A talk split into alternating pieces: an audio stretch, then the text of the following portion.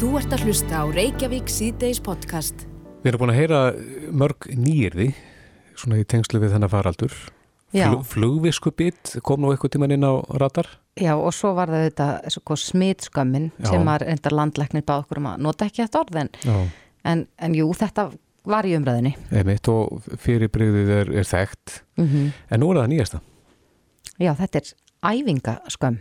Já. Nú er búið að opna líkamsrættastöðvar með þeim skilurðum sem sett eru, sett eru í, reglugjörður á þeirra Mm en kommentakerfin loga og mikið er talað um það hvernig fólk skuli já, dyrfast til þess að, að fara á æfingu. Mhm.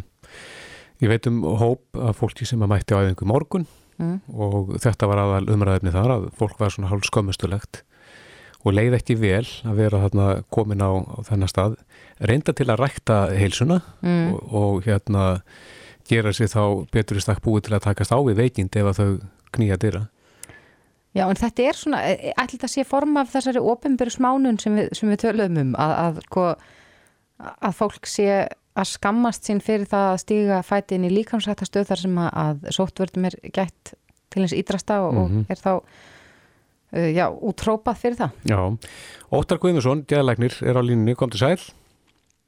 Komið sæl. Já, þetta, er, þetta nýjirði, uh, æfingaskömm, það, það er mikið um skammir svona í samfélaginu um þessa myndir. Já, ég hef nú ekki heyrt þetta áður en ég hef náttúrulega heyrt þetta orð smitt skömmina. Mm og hún er náttúrulega mjög algeng og í þessu samfélagi. Mm en eh, náttúrulega þetta er kannski liður í þessari svona pólitísku rétt hugsun sem að er svona ríkjandi hjá okkur núna að, að það á að fylgja dríeikinu eða sóttvarnar yfirvöldum í heila hverju sem að þau stinga upp á þá að þjóðin að, að fara eftir því -hmm. og ef það er eitthvað brotið út af þessu þá einhvern veginn er, er viðkomandi eh, já, hann er svona lítil hotnauga í samfélaginu Akkurat, en, en nú er fólk nú samt að, að fylgja þeim tilmælum sem að, á þeirra hefur sett fram í reglugerð, en samt sem áður virðist, eh, sko, alþjóð ekki taka það gilt. Nei, það er aldrei vegna þess að, að fríeikið hefur fengið svona mjög sérstakar stöðu hér, að, hér á Íslandi sko. Þannig að þau eru komin ofar sko pólitíkusonum sem eiga fyrst og fremst að taka þessar ákvarðanir. Þannig að fríeikið á náttúrulega fyrst og fremst að vera til ráðgjafar og svo eiga pólitíkusonir að ákveða hvað gert hér og það er náttúrulega bara eðlilegt að, að, að pólitíkusarnir kannski setjist undir spurningamerki og segja eigum að fara svona langt og hvað eigum við að lama þjóðfélagið mikið? Og það er við sem berum ábyrður á því en ekki þríegi. Þríegi bara getur komið með tillögur. Þannig ég er mjög sáttur við það að helbriðis ráðherra skuli, skuli hafa gefið þessa, þennan afslátt og, og uh, og bara vona að sem flestir geti nýtt sér þennan afstátt í hópleikfimi og öðru slíku, ekki veitir af á þessum leiðinda tímum. Nei, en ertu með einhverjar ráleitinga til þeirra sem að finna fyrir uh, þessari æfingaskömm og kannski eiga erfitt með þá að koma sér að stað þó að þeir vilji? Nei, bara bera höfuð hátt og fara í þessa hóptíma ef þeir komast í þá og, og njóta þeirra. Það er eitt annað að gera. Því ekki alltaf að vera skamma sín fyrir að vera til. Nei, Það er bara, það er bara út í bláin. En er þetta ekki þekkt bara svona í gegnum tíðina að, að sko um leið og, og þessi pólitíski réttrunar er búin að ná yfirhöndinni, að fólk skammist sín fyrir alla mögulega hluti? Jú, jú. Þannig að í pólitísku rétthugsun, í þessari pólitísku rétthugsun, þá verður samfélagslegur þrýstingur á fólk að það er allir að gangi takt. Og þetta er náttúrulega bara þekkt í mörgum, bara mjög víða. Þetta er þekkt náttúrulega í pólitísku einræði og allstaðar þar sem að er verið að mynda þessa svona samfélagslegu hóphugsun þar sem allir er að gangi í takt og allir er að hugsa eins og gera það sama og ef einhver fer út af sporinu að þá á hann að skamma sín bara og, og vera já, og, ekki vera með öðru fólki. Nei, Þetta er það sem að hétt í Þískalandi, í gamla Östu Þískalandi, í alltíðlýðveldinu að vera linjantrói, að vera trúr línunni. Og þetta er svona bara sko, svipa sko, það sé gefin út einhver lína hvernig fólki að hengða sér og, og ef einhver fyrir út af henni að þá, að þá sé hann bara einn vesti maður og þannig ég er nú alveg á því að fólki einu bara að, að, að vera glatt yfir þessari, þessum afslætti sem helbriðs á þeirra gefur og þetta er náttúrulega með mjög ströngum skil, skilirðum og, og á að halda öllu sókvörðum öðru leiti og þá er það bara bara að bera höfuðu hátt. Mm -hmm. eh, rétt eins í lógin óttar að því að þú ert náttúrulega hitt að þína stjólstæðinga eh, verður þú varfið eitthvað breyting á þeim í, í svona ástandi? Já, já, ég verð mjög varfið það. Ég er nú á stofu tvo dag í viku og, og maður finnur það. Það er náttúrulega fleiri sem að mæta ekki og, og þannig að það er svona mikil afföll í, í því. En þetta er fólk hrætt við testina og hrætt við að, að umgangast annað fólk og hrætt við að smitast og hrætt við að vera í einhverju samskipt við smitaðan einstakling. Það kostar viku eða hálsmánaðar uh, sótkví mm -hmm. þannig að það er svona að maður finnur alveg það er svona ákveðin ókunn í sem að hangir yfir samfélaginu mm -hmm. Og er einhver leið fyrir, fyrir já, þá sem að upplifa þann óta að, að vinna buga á honum? Það er náttúrulega bara að þetta er bara, eitt, þetta er bara ótti sem að verður að lifa með og það er náttúrulega bara gildir alltaf þetta gamla, það er að reyna að finna einhver tilgang í tilveruna og, og sinna því sem mann er fyrir skemmtilegt og, svona, og reyna að bera höfuð hátt og, mm -hmm. Og vera samfærður um það að þetta gangi yfir og uh, þetta sé ekki bara verið ekki döið og djöfur svona, og fundabann og samkominbann og bara um, næstu árin mm -hmm. þetta reyna einhvern veginn að halda í vonina og þetta er nú það eina sem að hefur og bjarga fólki undan svona ógt sem að hangir yfir til lengri tíma. Já, en óttar varðandi æfingaskömmina þá segir að fólk að ég bara bera höfuð hátt og, og skella sér á æfingu fyrst að, að það hefur tækifæri til þess. Þeir sem að geta, þeir sem að geta komist í æfingu, þeir eru að bara gera það og bera höfuð hátt og vera gladir að komast. Ég hringdi í líkasættastöðuna mína í gær og mér har sagt að það er lokað því að þeir verði ekki með hóptíma en þeir sem eru með hóptíma bara bera höfuð hátt og, og vera sprækir. Já, Óttar Guðmundsson, geðleiknir, kæra þakki fyrir þetta. Takk að þér. Þú ert að hlusta á Reykjavík C-Days podcast.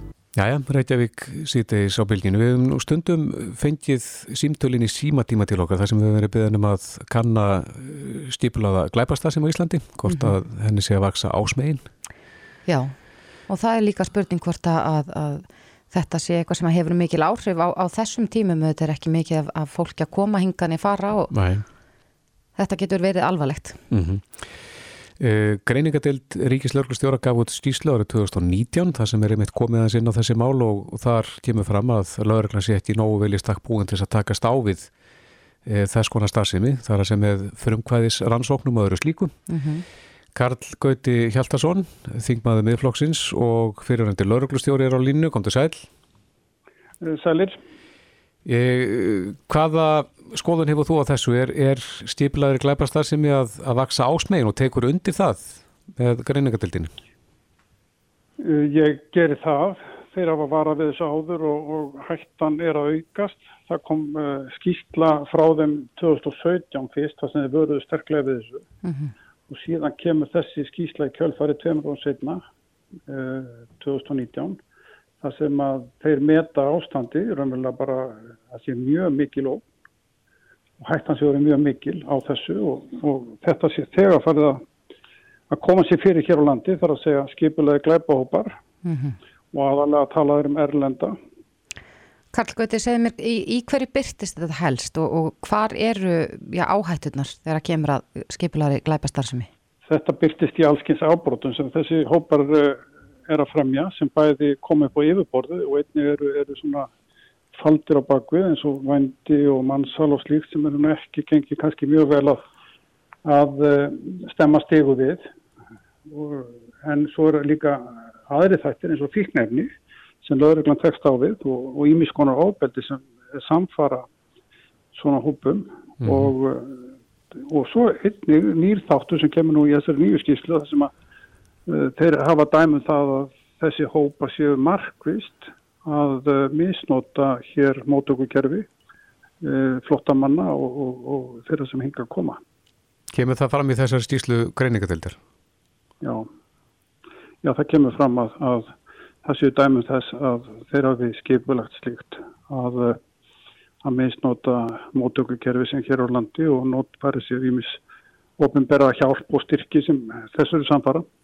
Já, en e, við höfum fengið fréttir frá hinnum Norðurlöndunum, svona kannski í auknu mæli núna þar sem að að lauruglan verist verið að missa tökin á þessu og, og uh, þar hafa stipulaði glæpa hópar tekið yfir heilu hverfinn E, þarf að búa betur að lauruglunni hér þannig að hún geti það farið í þessa frumkvæðisvinnu sem að greiningatil telur að, að þurfi að gerast svona til þess að spórna við þessu? Ég hef talað um þetta alveg frá því ég kom inn á þing 2017 að það þurfti að ebla löggjæsluna og laurugluna og fjölga lauruglumönnum sem uh, og lauruglun sjálf hefur kallað eftir því núna í ára tugi að lauruglumönnum sé fjölga þeim hefur bara fælkað og einni og sérstaklega náttúrulega með við fólksfjölda og komuferðamanna og tíðni glæpa og líka alvarleiri glæpa og flóknari glæpa sem lögurlega takast á við. Það er að segja svo kallara netglæpa og annari slíkra mála sem eru verða sífælt flóknari. Mm -hmm. Talan ekki um þess að skipilöðu glæpastar sem er í raun og veru mjög flókin og oft falin.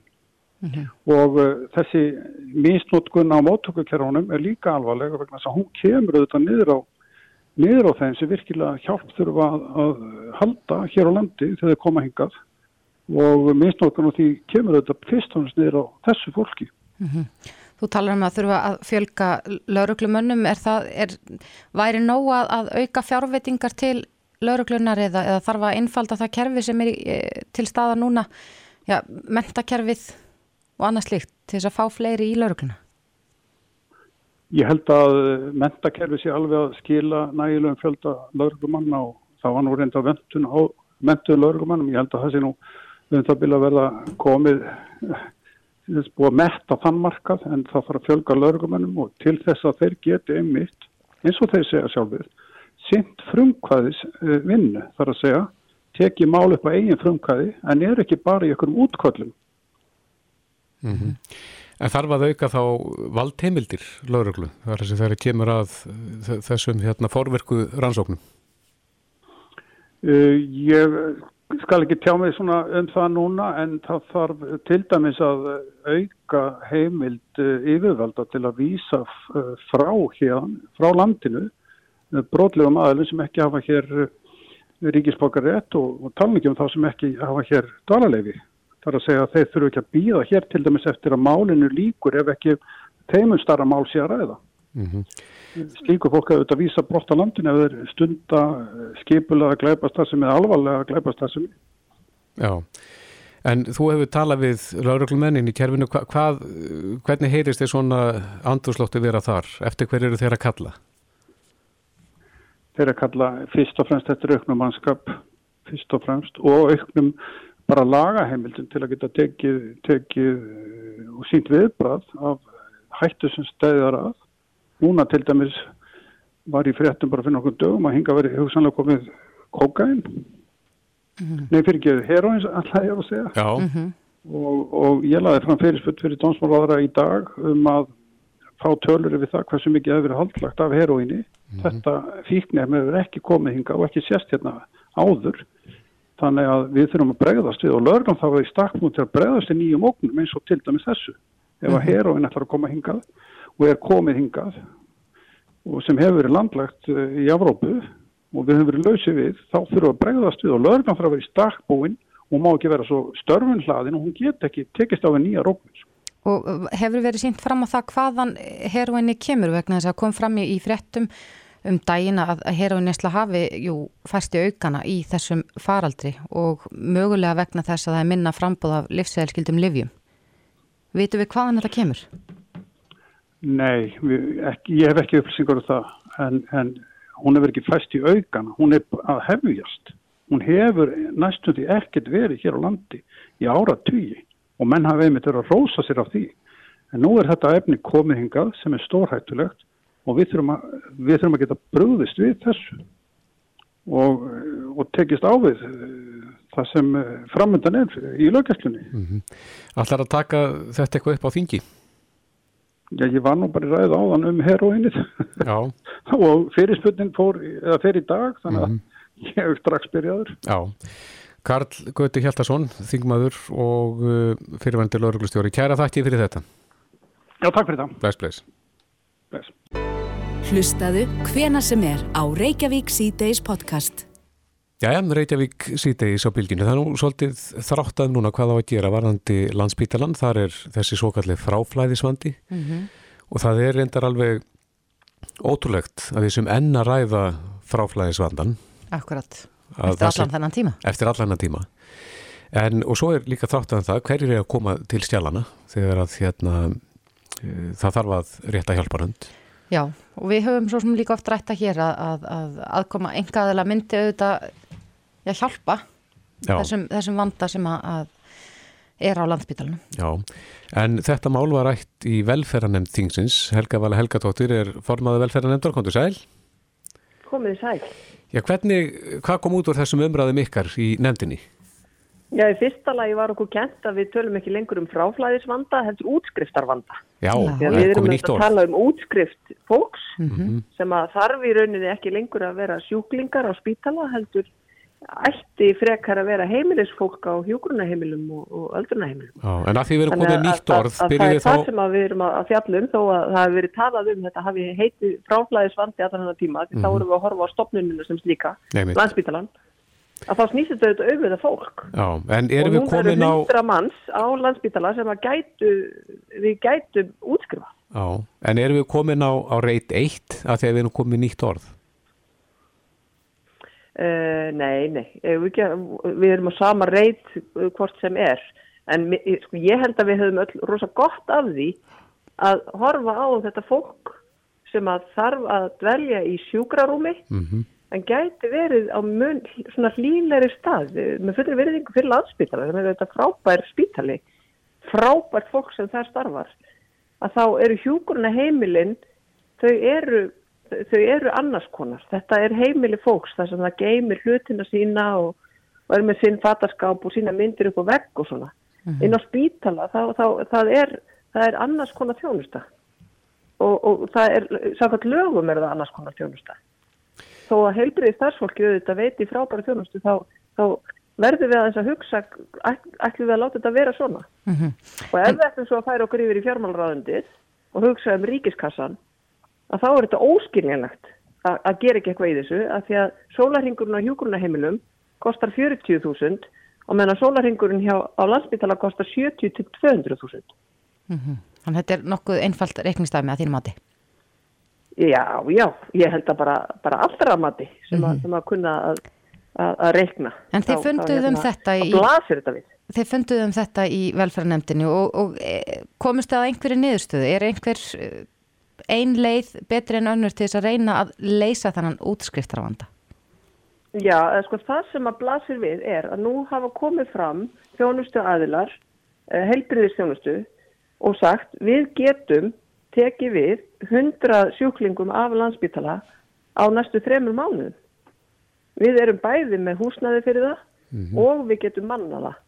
Þannig að við getum list þetta ef að vilji stjórnvaldar fyrir hendi en það eru við þetta, það eru stjórnvöld sem gera slíkan sanning. Mm -hmm. Og þetta er þarna eh, helsuvernd sem að, sem að, sem að hefur sendt erindi bæði á landsbytala og, og ráðunetið og sagt Já. bara við getum gert þetta. Mm -hmm. En Helga Vala, þetta er, þegar við erum svo sem ofta rætt þetta og, og maður myndi kannski flokkat undir sko, slæma meðferð og ofinbyrju fjö á skattfjö að vera eða hérna, peningum í miklu dýrara úrræði að hafa fólk inn á spítalan og við hefum svo sem rætt þetta áður varandi þessar liðstifta aðgerir sem hefur verið að fara í Já. með sjúklinga til útlanda fyrir miklu mm -hmm. meiri pening. Mm -hmm. Hvar, hvar liggur hundurinn grafin þarna? Af hverju heldur það að menn séu svona treyir til þess að, að grípa gæsina?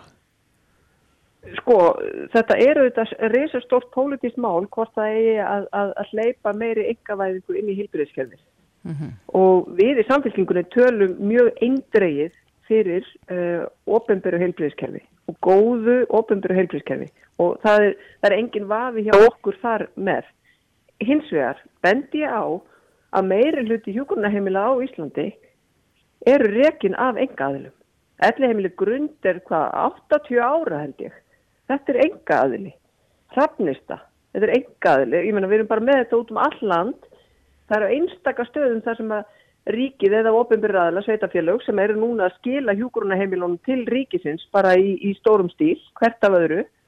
Það er einstaka svona svæði þar sem er bara ofinbyrra aðilega að reka hjúkurunaheimilið en, en, en víðast hvar er þetta blanda af, af enga aðilum, sjálfsvegnastofnunum og svo, og svo ofinbyrjum aðilum. Mm -hmm. Þannig að það er ekkert nýtt í því og ég held að við getum alveg bara við þurfum ekki að vera hrætt við þetta við séum einhvern veginn að umbylta kerfinu eða, eða rústa ofinbæra kerfinu eða eitthvað við erum að tala um afmarka verkefni sem eru bara hjókurunheimili mm -hmm. Hvar er bolti núna? Hann er hjá heilbriðsjöföldum hjá heilbriðsjöföldinu mm -hmm. hann er þar Við vorum að ræða um þessi málefni hér um daginn og, og rættum það eins hvort að hægt væri að gera eh, einhverja tímabundna samninga til þess að komast yfir, já kannski svona erfiðasta hjallan. Eh, kæmi það til greina að ykkar mati að gera tímabundna samninga til þess að ja, laga útskriftarvandan allavega um sinn? Já, sko, útskriftarvandin er í rauninni tvíþættur. Við erum með akut vanda út af COVID. Það þarf að útskrifa 35 núna, bara í dag. Og það er verið að, að, að vinna í því.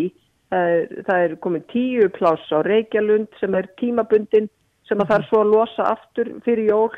Það eru ykkur þrjú plás í stikkisólmi, tvö plás á hellu og svona, þetta er svona bútasömmur mm -hmm. svona, þetta er bara svona dreift, við erum að tala um fólk sko, við erum að tala um hérna fullorðið fólk sem er að býða eftir hjókurna heimilum mm -hmm. við ætlum svona bara svona skuttlaðin svona hinga og þanga svona tímabundið þetta er allt tímabundir ástöfun og, er, og fjarrri mögulega ástvinnum, við skulum alveg hafa það á hreinu. Að það er, það er verið að taka slíka ákvörði núna um að gera það gott og vel að því við verðum að gera til að, til að tappa af landsbytalanum en sko ég myndi segja ef við horfum bara á uppbyggingu hjúkurunaheimila á næstu árum að þá er til dæmis sko eh, lítur þannig út að 2025 eftir 5 ár er áætlað að uh, það verði búið að byggja hér á höfuborgarsvæðinu það sem þarf. Uh, við erum ekkert að yngjast sem þjóð. Við þurfum að fjölga þessum plásum jæmt og þétt og það kröftuglega núna mm -hmm. og þá held ég að við verðum bara að vera svona aðeins stórstígari til þess að spara peningana Já, en Helga Vala e, eru þessir aðeila sem að geta komið hattu til aðstofar, eru þeir tilbúinir í dag? E, þeir segja að þetta taki þrjá mánuði að fullbúa plásið þrjá mánuði. Þannig ef ákvörðin verið... Þeir eru með húsnið tilbúið, það þarf ekki að fara að byggja núna sko. Nei, þannig ef ákvörðin verið tekinni dagum að, að kýla á þetta, þá, þá eru það þryggja mánuða verkefni. Já. Já. Helga vala, Helga dóttir. Ég finnst þetta einfalt. Já. Kannski er einhverjar undirlínur sem að, sem að uh, hvorki ráðuniti landsbítali nýja þessir ekstra ræðili sögð okkur en, en þá er það þetta mjög sérstaklega því við erum jú fasta nefnd alþingis og eigum að fá allar upplýsingar upp á borða þarna. Mm -hmm. Helga ég hafa ekkert þessu til fyrirstöðu. Nei, Helga Vala Helgadóttir, formadur velferðarnemndar, takk fyrir þetta. Takk. Bless, bless. Bless. Reykjavík síðdeis á bylginni. Við þekkjum öll rakning C19 appið sem að margir íslandingar eru með. Ég vona sem flesti séu með það. Ég, ég vona það líka. Mm. Það er svona pínu samfélagslega ábyrði í því að bara sækja þetta app í síma sin ef maður á snjall síma þar að segja. Einmitt. Það er auðvitað engin skilda til þess. En, það hefur komið að góða nótum. Algjörlega og við höfum nú talað um það eh, eh, hér í þessum þætti að Ísland gæti orðið fyrsta ríkið til þess að virka smitrækningu í gegnum Bluetooth-tækni Apple og Google. Mm -hmm. en við töluðum eh, við ennbætti landlæknis hérna í byrjun september. Og, og þá var þetta í starttólunum og við vonuðumst til þess að kannski að vera búin að sjá þetta núna Já, það er spurning hver, ég var, ég var allavega orðin svolítið spennt. Já, ég, ég var orðin svolítið langþreyttur vegna þess að mér er svo langt síðan við vorum að nefna að þetta væri bara alveg að dettinn. Já, þetta er pínu eins og þegar mannstu stafrænu augurskiptinin voru að komast í nótt hér á landi. Já. Við vorum mjög æsti við því líka. Nei, mitt. En það er spurning, hvar stendur þetta verkefni núna? Ég veit að hann er búin að vera fullu að vinna í þessu Ingi Steinar Ingarsson, teimistjóri hjá Embætti Landlæknis, kom til sæl. Komið sæl. Já, hvar stendur verkefni núna í dag? Ég var náttúrulega alveg af spenntur og þið og bjartskýtn og, og hérna og vonaði til þess að þetta er allt saman löngum komið í nótkunn. Já. En uh, við hefum nú lent svona í smá bakslægi með þetta. Við, í fyrsta lagi þá fengum við ekki leið hjá Google til þess að nota þessa einföldu laust þar sem við gáttum bara að virka þetta í stýrikerfinu og þurftum við reynin ekkert að vera að setja upp eitthvað sérstaklega app eða neitt slíkt. Mm -hmm. Var það hérna stýrið af þeirra hálfu? Já, þeir eru rauninni bara sögðut ekki sögðut þeir rauninni hafa bara nóg með bandaríkinn eins og þetta væri núna. Þeir eru að vinna með nokkrum fylgjum í bandaríkinnum að svona laust mm -hmm. og, og Apple var alveg með okkur í þessu og voru tilbúin til að hjálpa okkur bara með þetta alla leið en, en við lendum í svona vandraði með að, að fá leiði frá Google til þess að virka þetta mm -hmm. í stýrikerfinu. Eins og síðan þegar við tölum saman þá vorum við með þetta upp í iPhone-unum ykkar og það hefði í rauninni þyrst að vera sambærli virkni í, í Android símum líka. Og það var hægt að kveikja á því. Þannig að þau erum við bara með cirka helmingin á símónum En er svo virkni sem sagt er svo virkni sem sagt ekki til í Android símum? og jafnvel stendur Jú, hún er til og hún, þeir hafa verið að gera einhverjar uh, prófanir með þetta í, í ákveðnum fylgjum í bandarækjunum en þeir voru sem þetta ekki tilbúin til þess að leiða okkur að starta því hérna á Íslandi. Mm -hmm. á Google En þetta verkefni kemur detturinn á borði svona í byrjun þriðju bylgjunar, er það ekki? Svona, það, er um byl. E, nú veit maður ekkert hvars þessi þriðja bylgja stendur en, en erum en ekki rættur um að bara missa af lestinni?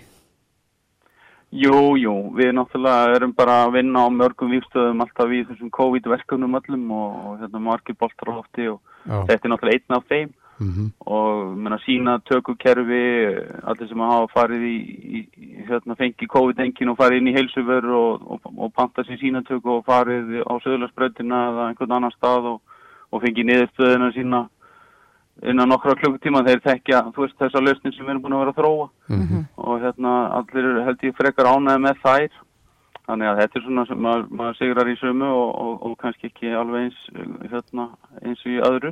Nei. Við erum sem sagt núna að, að við erum ekki alveg dottinn af, af baki.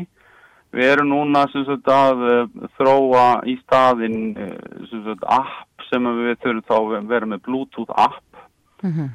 Þannig að við getum ekki, eins og sé, við getum ekki startað þessu bara í stýrikernu þannig að þá unni verðum með app sem við setjum þá í gang og við erum að skoða það núna okkur finnst líklegast núna að við munum þá í rauninni skipta út gamla appinu mm -hmm. og það verður þá hætti að vera sagt, út frá staðsetningum og verður þá bluetooth í staðin mm -hmm. og þegar það fyrir lofti þá verður það náttúrulega kynnt allt mjög vel og, og hérna og er sem sagt þá í rauninni verður þá bara fólk verður þá samþykja það þegar uppfærir appi þá verður það samþykja að að það heimili þá appinu nota bluetooth. Í staðin mm -hmm. fyrir GPS eins og var áður í gamla appinu. En við metum það sem það tanni í samfunni við rakningateimið og, og aðra aðla að það sé mikilvægur að fyrir okkur rauninni að, að ná þessum einstaklingum sem fólk þekkir ekki og er að umgangast og hefur þá hugsanlega smitað Akkurat. heldur en, en þessar staðsetningar sem við höfum í dag og eru, eru svona í notaðar í rakningu En Ingi, ef þetta kemst í gagni hjá okkur að þið náðu að uppfæra appið, rakning síðan 19 appið með, með mm. þessum hætti, eh, þýðir þetta meiri nákvæmni? Er þetta, er þetta staðsetja enn betur heldur en gert er með staðsetningatækninni?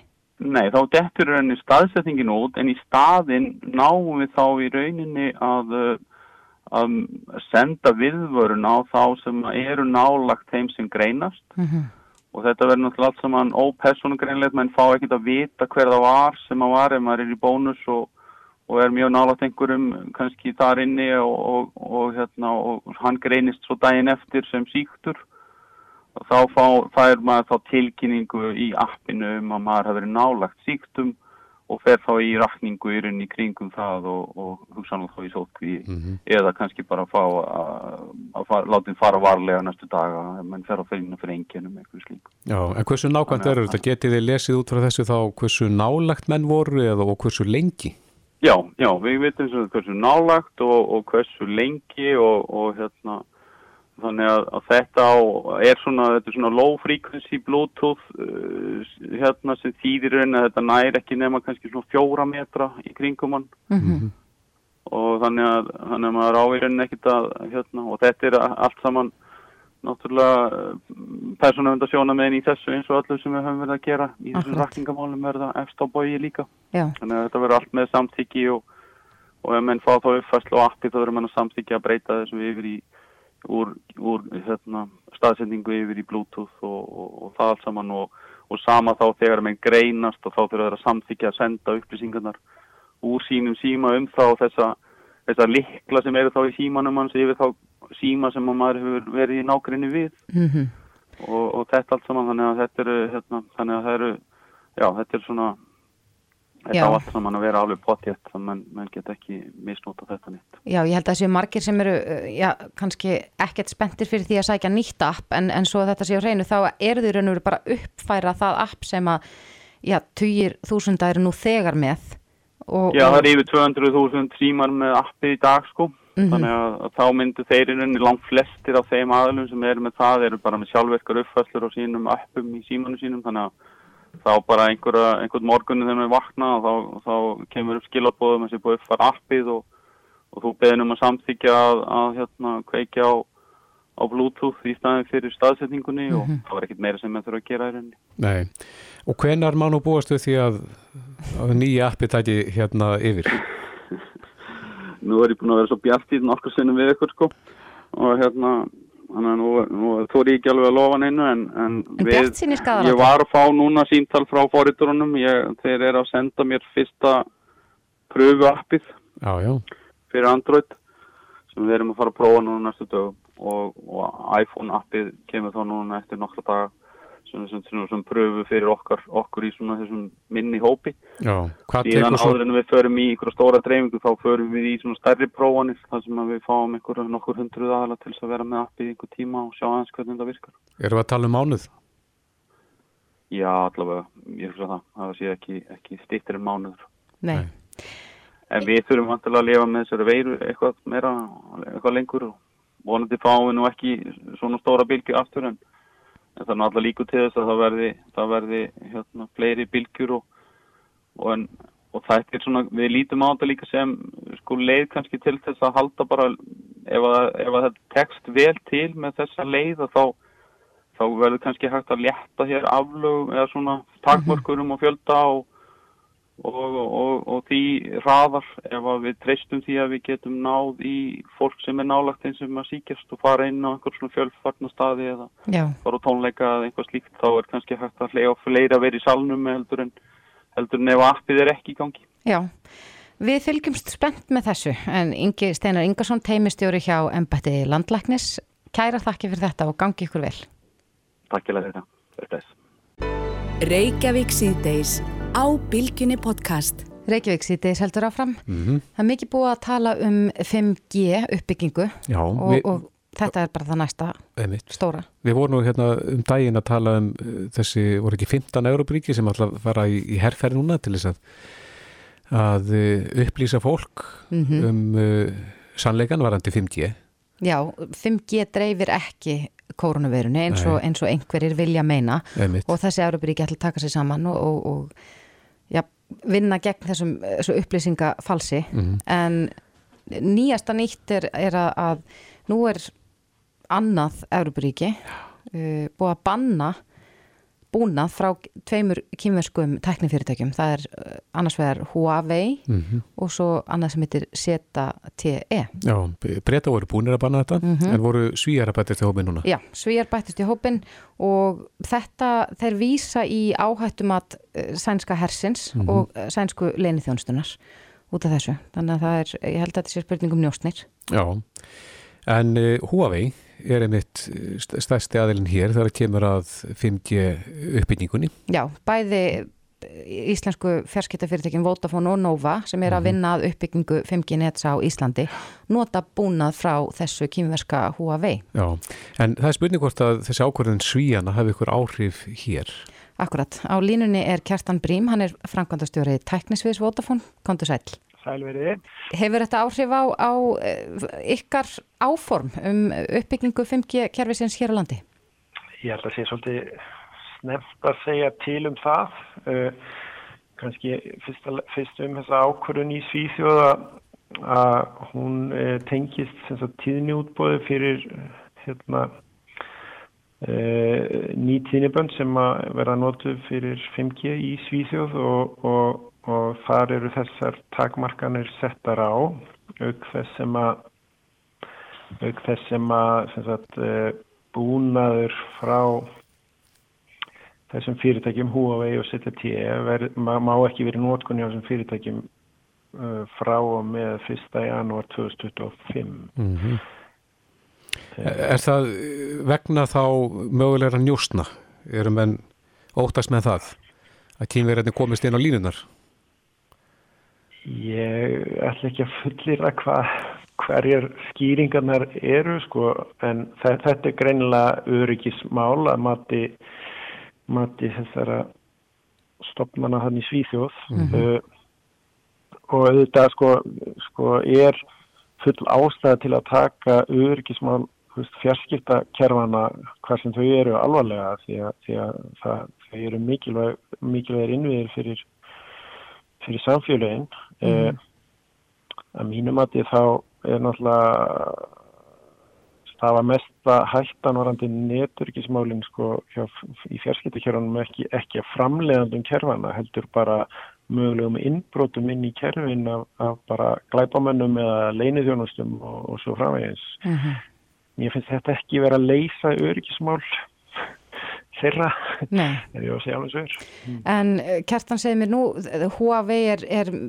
ris, er tækni risi að þessu leiti framlega mikið af búnaði er þessi framlegandi að gera senda líka fyrir sko 2G, 3G og, og þau 4G net sem við þekkjum? Já, já, ég meina eh, Huawei er náttúrulega kom, er, með, er stærsti framlegandi að fjarskiptakerfum í heiminum í dag og, og hérna, er með búna í öllum löndum í Európu og, og hérna, meðal annars í Svíð og ég held að öll, öll farsíma fyrirtækin séu með búna frá Huawei í sínum kerfum í dag mm -hmm. uh, og Íslandi eru bæði Vodafone og Nova með, með mikið af búnaði frá Huawei í kerfunum og það er bæði fyrir, fyrir 2G og 3G og 4G og, og hérna og þessi fyrstu skrifi 5G hafa verið með í samstarfi Huawei mm -hmm.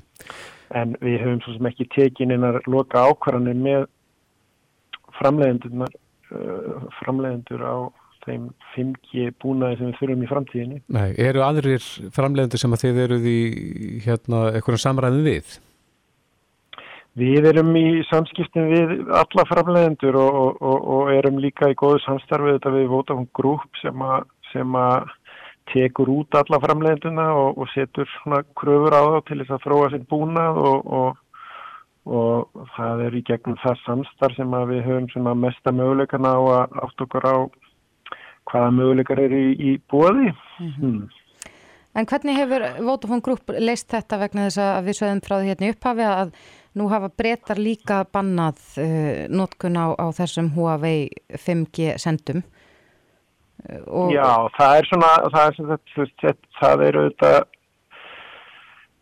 uh, frá 2027 sem að það þarf að gerast, ég man ekki nákvæmlega smáadrinn í þeim, þeim hérna uh, kvöðum en, en, en uh, það er ljóst að búnaðurinn verður í nótkun alveg þanga til og það er auðvitað þannig á einhverjum tíampunkti þá fara að endur nýja búna og svo leiðs þannig að, þannig að á sjö árum þá er nú alveg líklegt að menn sjá að tekja verið í því. Hverju eru... Það sem að kannski er, finnst mér svona að fólk þurfa að skilja er að Huawei er auðvitað mjög framalega í þróninu á þessari tækni og, og hérna og við höfum verið mjög góð samstarfi við Huawei gegnum árin og bara það er allt, allt okkar samstag gengið vel uh, Og engar efasemtur um að þessi kerfi sem er verið að nota núna þau séu ekki örg? Það hefur allavega aldrei verið, eh, svo ég veitir til, sínt fram á neina eh, örgisókn eða örgishættu í sambandi kerfin frá Huawei. En akkur heldur þetta sé að koma upp núna varðandi 5G kerfin? Hver er, hver er munurinn? Eh, Já, ég get ímynda mér það að, og ég, ég er einlega á því að, að 5G kerfin verða með miklu svona bytni hætti svona hluti að innviðum samfélagana í framtíðinni. Þetta er kannski ekki að gerast á morgun eða hinn en svona í, í framtíðinni eftir 5-10 ár þá, þá spila þessi kerfi svo stóra rullu í bara hvernig innviðir samfélagsins virka og þess að verður verða öryggismál gríðarlega mikilvæg og það er í sjálf og sér algjörlega óháð því hver framleiðir búnaðin. Það verður mikilvægt að hafa öryggismálinu og reynu að hafa regluverki kringum þau. Mm -hmm. En þurfið þið hjá Votafón og, og já, jáfnvel eins hjá Nova að, að fara í það að meta sko hvort að kostnaðurinn af því að setja upp þessi kerfi sem gætu mögulega í framtíðinu verið bönnu hér á landi, hvort það borgir sig að, að reyna að leita til annara framleiðenda frekar?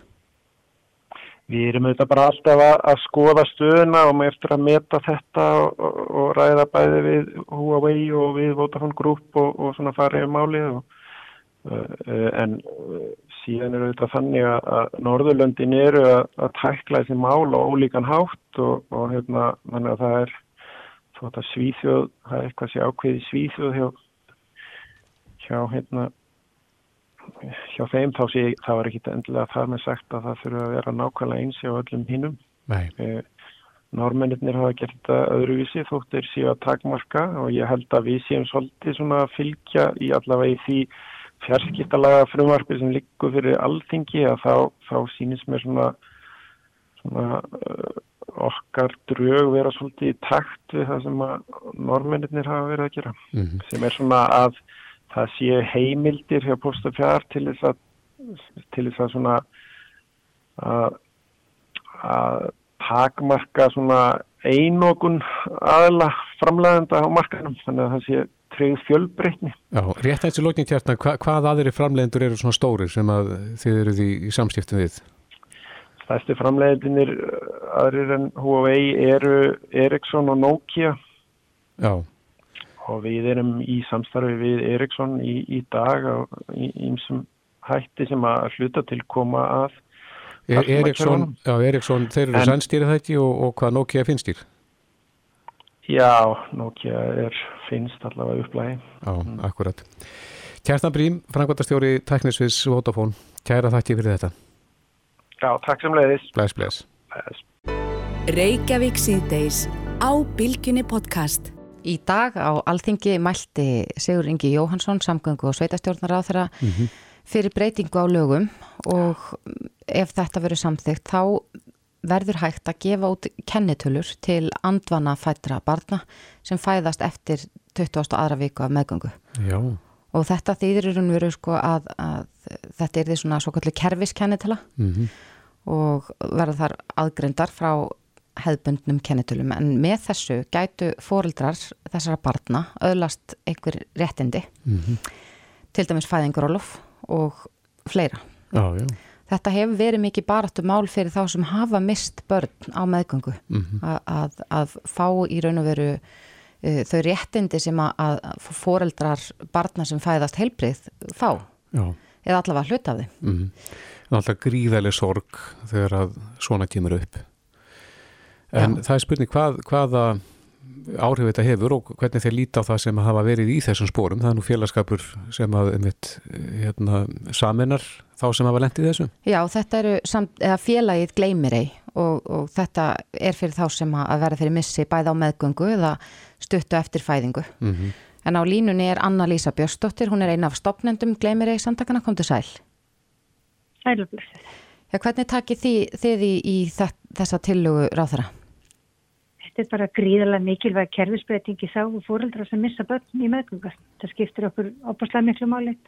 Það er hérna oft sagt um sorgina sko, og Sigur Finnur Þorlefsson sem var sjúkvæðarspröktur á borgarspítalanum hefur skrifað um viðkenningu sorgarinnar sem er einn mikilvægast að fórsönda þess að hægt sé að finna þeim sársöka stað sem innra býr og með því að fá svona kerfisbreytingu fyrir okkur þá þetta gríðarlega bara stort skrif, bæði tilfinningarlega en líka þetta inn í kerfinu að fá að komast inn í, inn í kerfið með þessi börn. Já, segðu okkur, segð okkur aðeins hvaða helstu breytingar hefur þetta í förmið sér?